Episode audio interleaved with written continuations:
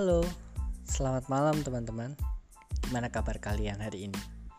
harap kalian baik-baik saja dan tetap di rumah ya. Kabarku baik hari ini dan puji Tuhan banyak hal yang bisa aku kerjakan hari ini.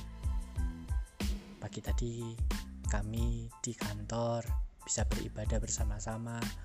Ya, kantorku masih buka sih walaupun setengah hari.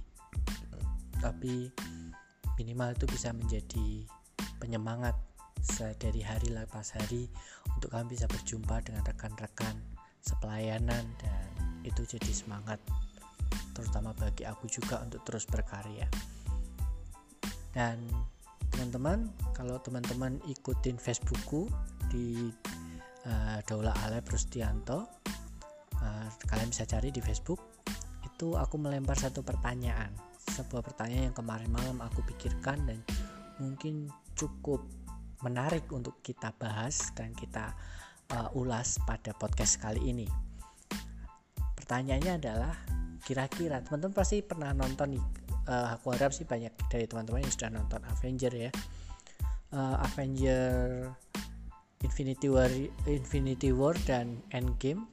Nah, kita tahu bahwa di dalam kisah itu uh, The Avenger harus melawan satu musuh besar yaitu Thanos.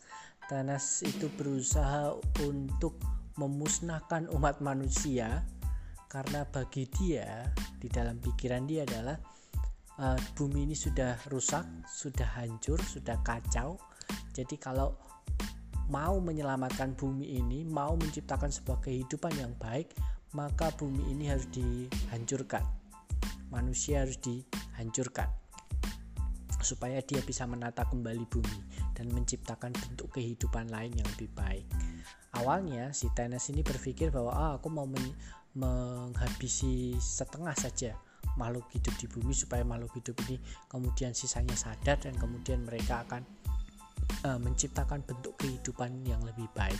Tapi kemudian Thanos melihat bahwa di Infinity War itu dia melihat bahwa ah ini nggak mungkin nih kalau aku cuma menyisakan setengah karena yang setengah ini akan tetap memberontak dan membawa sifat-sifat lama.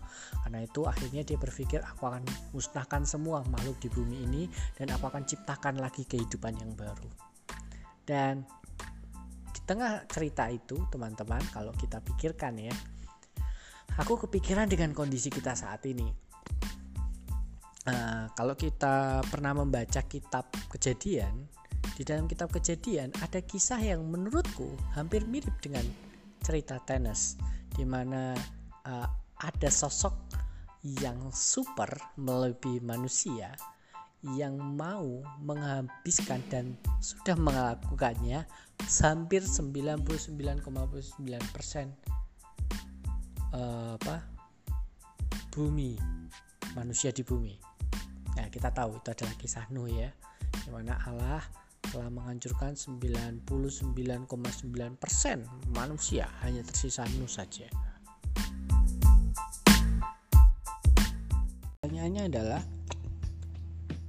kalau misalnya kita membayangkan bahwa Allah pernah menghabisi dunia ini dengan air bah dan kemudian semua orang itu tiada dan tinggal Nuh dan keluarganya Kemudian di masa sekarang kita melihat ada virus baru nih yang bukan epidemik, bukan hanya membuat masalah di satu daerah atau di satu negara atau di satu uh, benua, tetapi sudah menyebar ke seluruh dunia, maka disebut pandemik.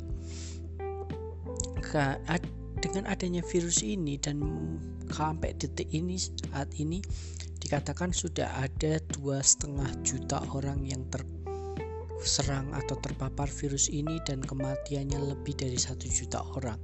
Artinya sudah banyak orang atau nyawa yang melayang oleh karena virus ini dan akan terus bertambah. Pertanyaannya adalah apabila seandainya ini kita ngomong seandainya ya teman-teman. Jadi ketika aku mikirkan hal ini kita nggak bisa memikirkan bahwa oh Allah tuh pasti sama seperti enggak. Tapi ini kita berandai-andai saja. Seandainya nih Allah itu adalah tenas. Dia adalah orang atau sosok yang ingin mengembalikan keindahan bumi, mengembalikan ke, ke keadaan bumi seperti semula dengan cara menghancurkan atau menghabiskan manusia, mengurangi populasi manusia yang tinggal di bumi ini. Jika semua hal itu kita pikirkan, mungkinkah kita bisa melihat coronavirus atau pandemi corona ini sebagai sesuatu yang menjadi bagian dari rencana Allah untuk meriset kembali bumi ini. Memang agak radikal ya dalam artian masa sih Allah yang kita kenal yang rela mati di kayu salib yang e, menciptakan manusia, mengasihi manusia justru membunuh manusia. Tapi kenyataannya di Alkitab catatan mengenai Allah mengizinkan manusia itu mati karena mereka telah melakukan banyak kejahatan itu tercatat loh di kisah yang tadi kisah Nuh itu. Akan seluruh dunia. Mungkin jumlahnya secara presentasi jauh lebih besar dibandingkan yang terjadi saat ini terhadap coronavirus. Nah pertanyaan, pertanyaan ini mulai menggelitik pikiranku dan kemudian aku mulai bertanya kepada beberapa orang teman-teman Facebookku. Uh, yang cukup menarik adalah uh, mungkin jawaban-jawaban dari beberapa teman cukup radikal di mana mereka memikirkan bahwa ya kalau kayak gitu ya kita dukung aja. Kayak Tennessee ya sudah kita bunuh aja semua. Tapi ada jawaban yang cukup menarik yaitu dari Prof. Reza. Uh, Prof. Reza ini temanku dia belajar tentang politik uh, dan teologi dan di dalam konteks ini beliau mengatakan bahwa problemnya adalah dari perspektif mana kita melihat ini. Apakah perspektif bahwa uh, Tenes sebagai orang yang menciptakan bumi ini punya hak untuk menghapuskan semua dan itu kita mendukung itu dan kemudian kita melihat bahwa oke okay, kalau gitu kita biarkanlah ini semua terjadi. Atau yang menarik beliau mengatakan adalah kalau dia akan memilih menjadi sisi di Avenger. Walaupun The Avenger melawan Thanos dengan semua keinginannya untuk memperbaiki bumi tetapi Avenger menunjukkan sebuah bentuk lain mengenai cinta terhadap kehidupan sebagai bagian menghargai sang pencipta itu. Jadi uh, Prof. Reza ini memberikan gambaran bagaimana sekalipun Tenes sebagai pencipta atau Allah sebagai pencipta itu berusaha meluluh lantakan dan membangun kembali bumi melalui coronavirus tetapi orang-orang yang berjuang untuk bertahan berjuang untuk uh, tetap hidup justru dianggap sebagai orang-orang yang tetap menghargai sang pencipta tadi yang hendak menghancurkan bumi. Jadi ada sebuah kontradiksi atau sebuah paradoks pemikiran di mana yang menghancurkan juga mencintai atau menginginkan sebuah keindahan yang baru sedangkan yang bertahan juga mencintai keindahan yang telah tercipta sebelumnya. Nah, di sinilah terjadi sebuah tarik menarik mengenai bagaimana kita memahami kehendak Allah di tengah coronavirus ini. Baik bagi teman-teman mungkin memikirkan bahwa oke okay, kalau seperti itu gimana kita harus melihat coronavirus?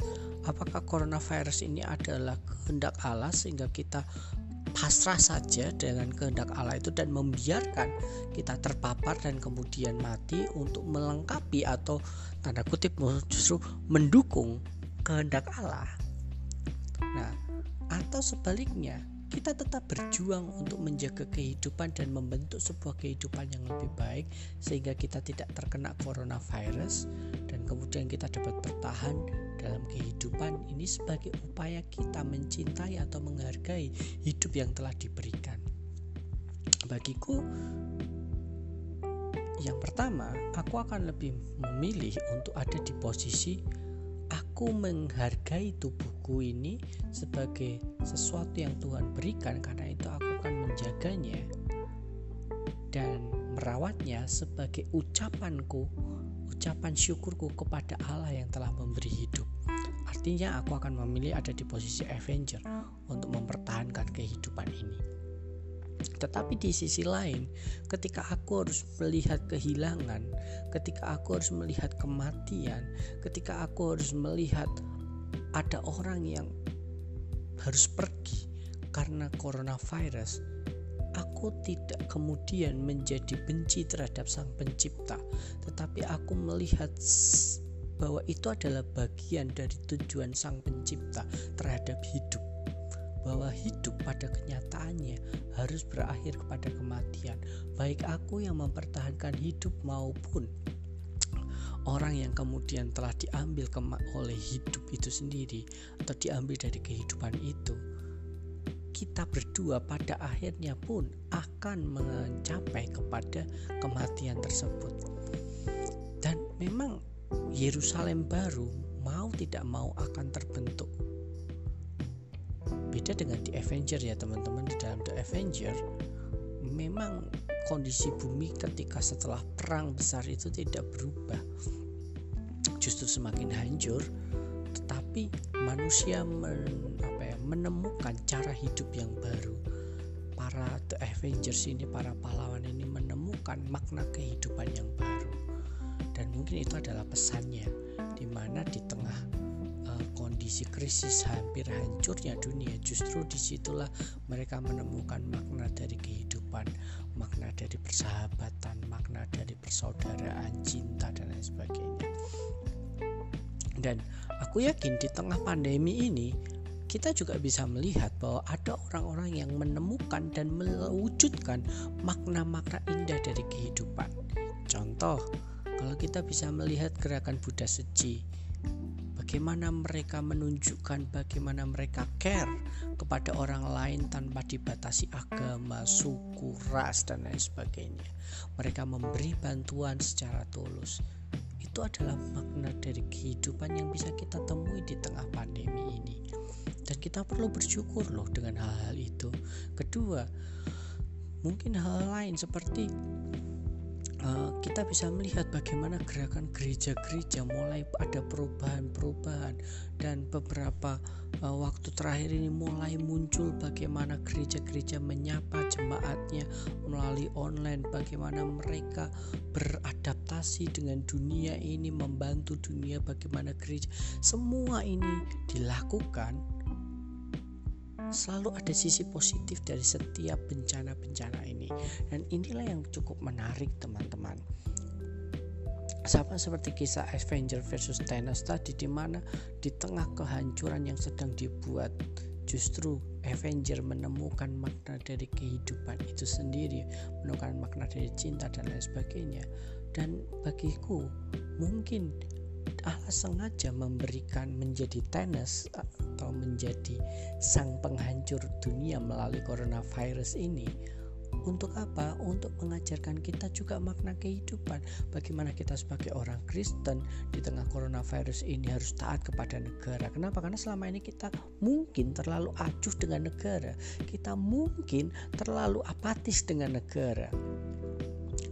Saya ingat sekali aku ingat sekali beberapa waktu ini masih ya 3-4 tahun ini setelah perdebatan besar antara oh harus pilih Jokowi atau Prabowo dan lain sebagainya gereja nampaknya tidak terlalu punya makna di tengah masyarakat khususnya di dalam periode kedua Jokowi ya uh, di dalam masa pemilu ini. Saya aku melihat secara pribadi bagaimana uh, gencarnya kelompok-kelompok muslim itu menunjukkan kekuatannya, powernya dan aku harus akui mereka punya power yang sangat besar.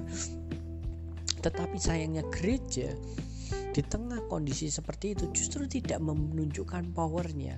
Mereka justru berlindung di bawah benteng-benteng tertentu, berlindung di dukungan-dukungan tertentu.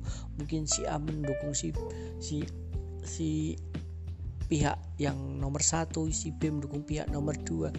Tapi mereka tidak menunjukkan power mereka sebagai kekuatan yang memberikan arahan kepada bangsa ini. Dan sekarang ketika bangsa ini dalam kondisi yang sangat parah aku bersyukur sekali bagaimana aku bisa melihat gereja-gereja bergerak khususnya di saat tiga ya teman-teman di saat tiga, aku bisa melihat ada gereja-gereja kecil seperti GKJTU Wonorejo, bagaimana mereka membuat masker sendiri lalu dibagikan ke masyarakat. Aku bisa melihat gereja-gereja di atas di daerah Kopeng sana, mereka yang bercocok tanam bertani, yang mereka punya hasil tani yang banyak, mereka tahu masyarakat sedang kesulitan bahan pangan, mereka membagikan hasil sayuran mereka kepada masyarakat, kepada jemaat-jemaat yang membutuhkan menurutku itu adalah bentuk apa ya makna dari kehidupan yang dapat dipetik di tengah coronavirus ini. Aku melihat bahwa ini sesuatu yang menarik teman-teman di mana gereja justru di tengah tekanan-tekanan seperti ini menunjukkan makna kehidupannya. Dan kalau kita perhatikan di dalam Alkitab pun sama bukan? Umat-umat Allah di tengah Eh, masa-masa uh, tertekan justru mereka di situ menemukan makna-makna kehidupan. Bahkan kalau kita baca surat ratapan surat apa kitab ratapan kitab Yeremia kita bisa menemukan bagaimana Yeremia justru di tengah problem di tengah pembuangan dia bisa mengenal Allah dan menemukan hidup makna hidup yang Allah kehendaki. Dan itulah teman-teman aku rasa coronavirus ini perlu kita lihat di dalam perspektif yang berbeda. Jangan hanya melihat, oh banyak yang meninggal karena coronavirus. Benar, banyak yang meninggal. Oh kita harus hati-hati karena coronavirus. Ya betul kita harus hati-hati, kita harus jaga jarak dan lain sebagainya. Tetapi di tengah ini kita perlu melihat hal-hal positif apa.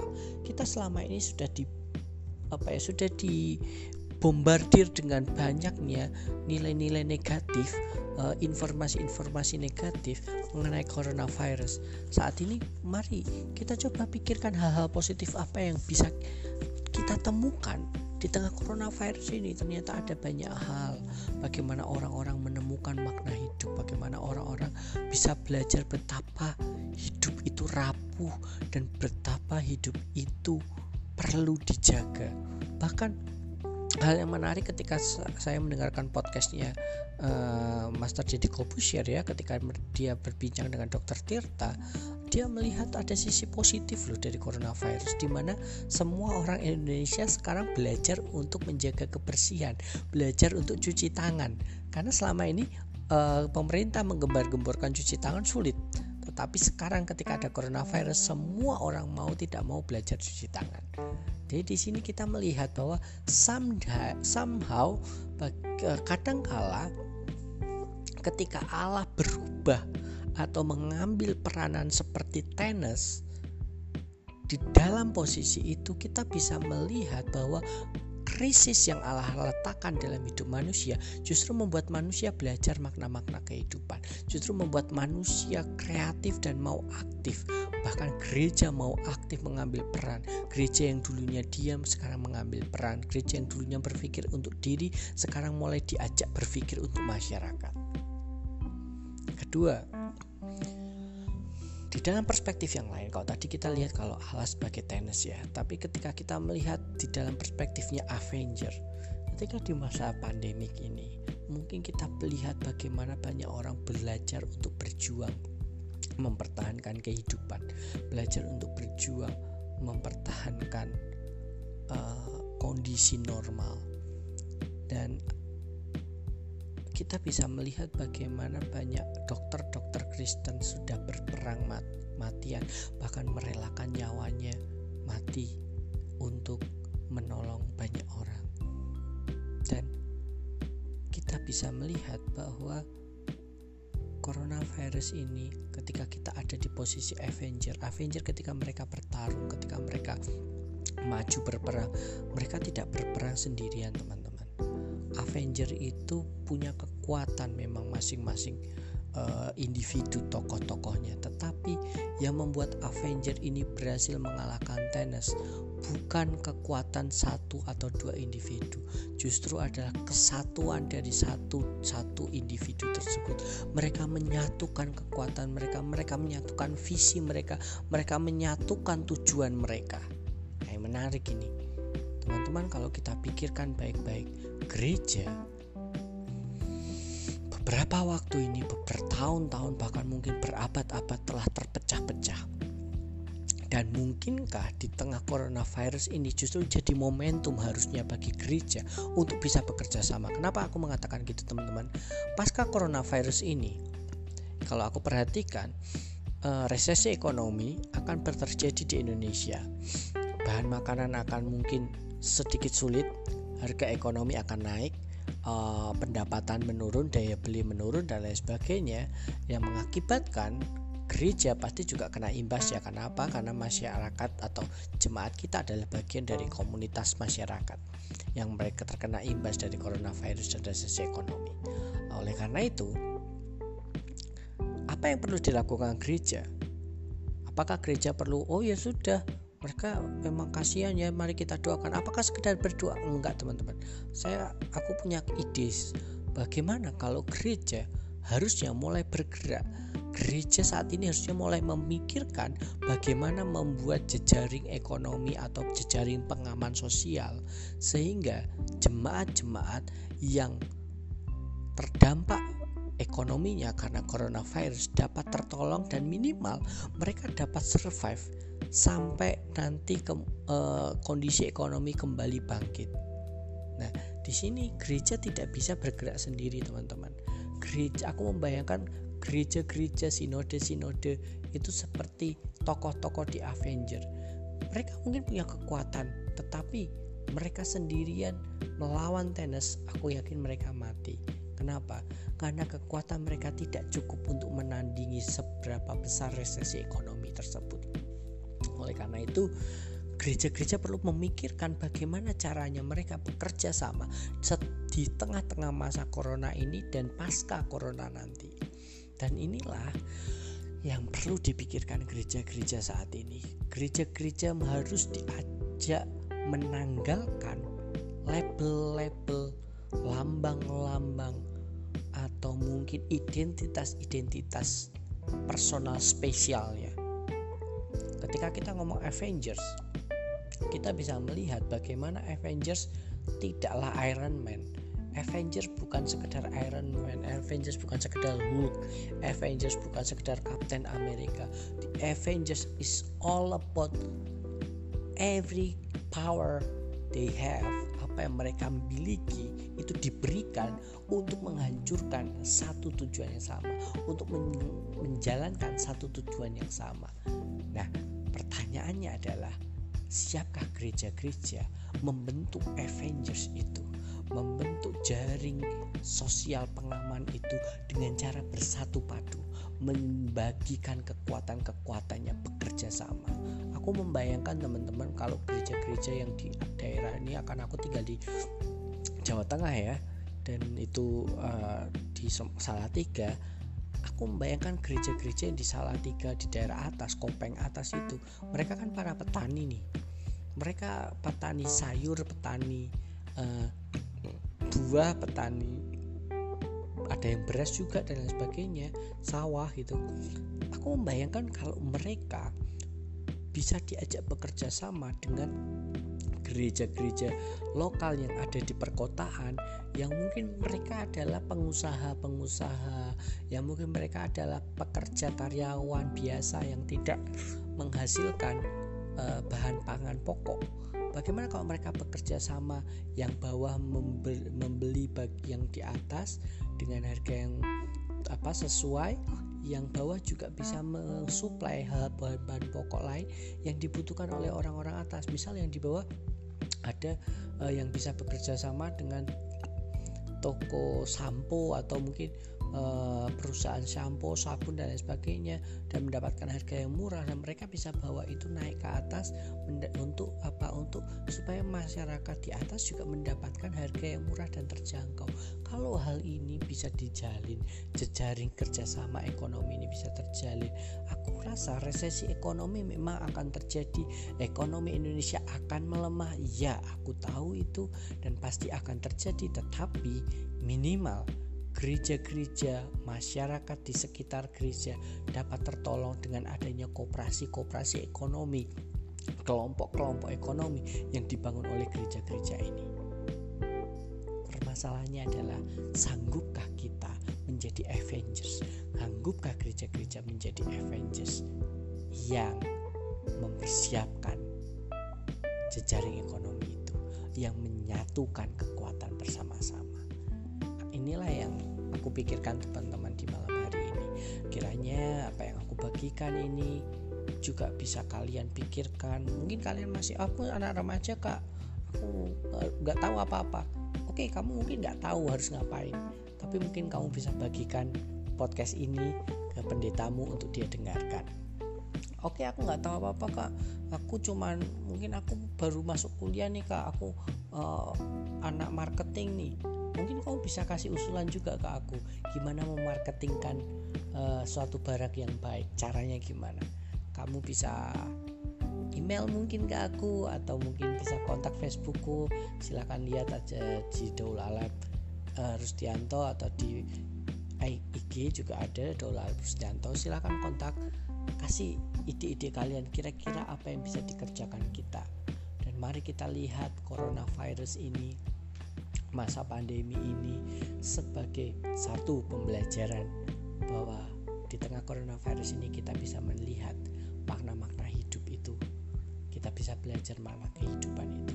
Tapi di sisi lain di tengah coronavirus ini kita juga didorong sebagai gereja Tuhan untuk bersatu padu menjadi Avengers yang menyelamatkan kehidupan ini.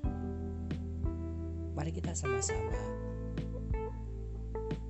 berdoa mari kita sama-sama berharap supaya semua ini lekas berlalu dan kita bisa menjadi benteng-benteng pertahanan yang indah dan apa yang kita lakukan di tengah masa pandemi ini bisa menjadi kesaksian yang baik untuk kemuliaan nama Tuhan. Tuhan Yesus memberkati kira kita semua.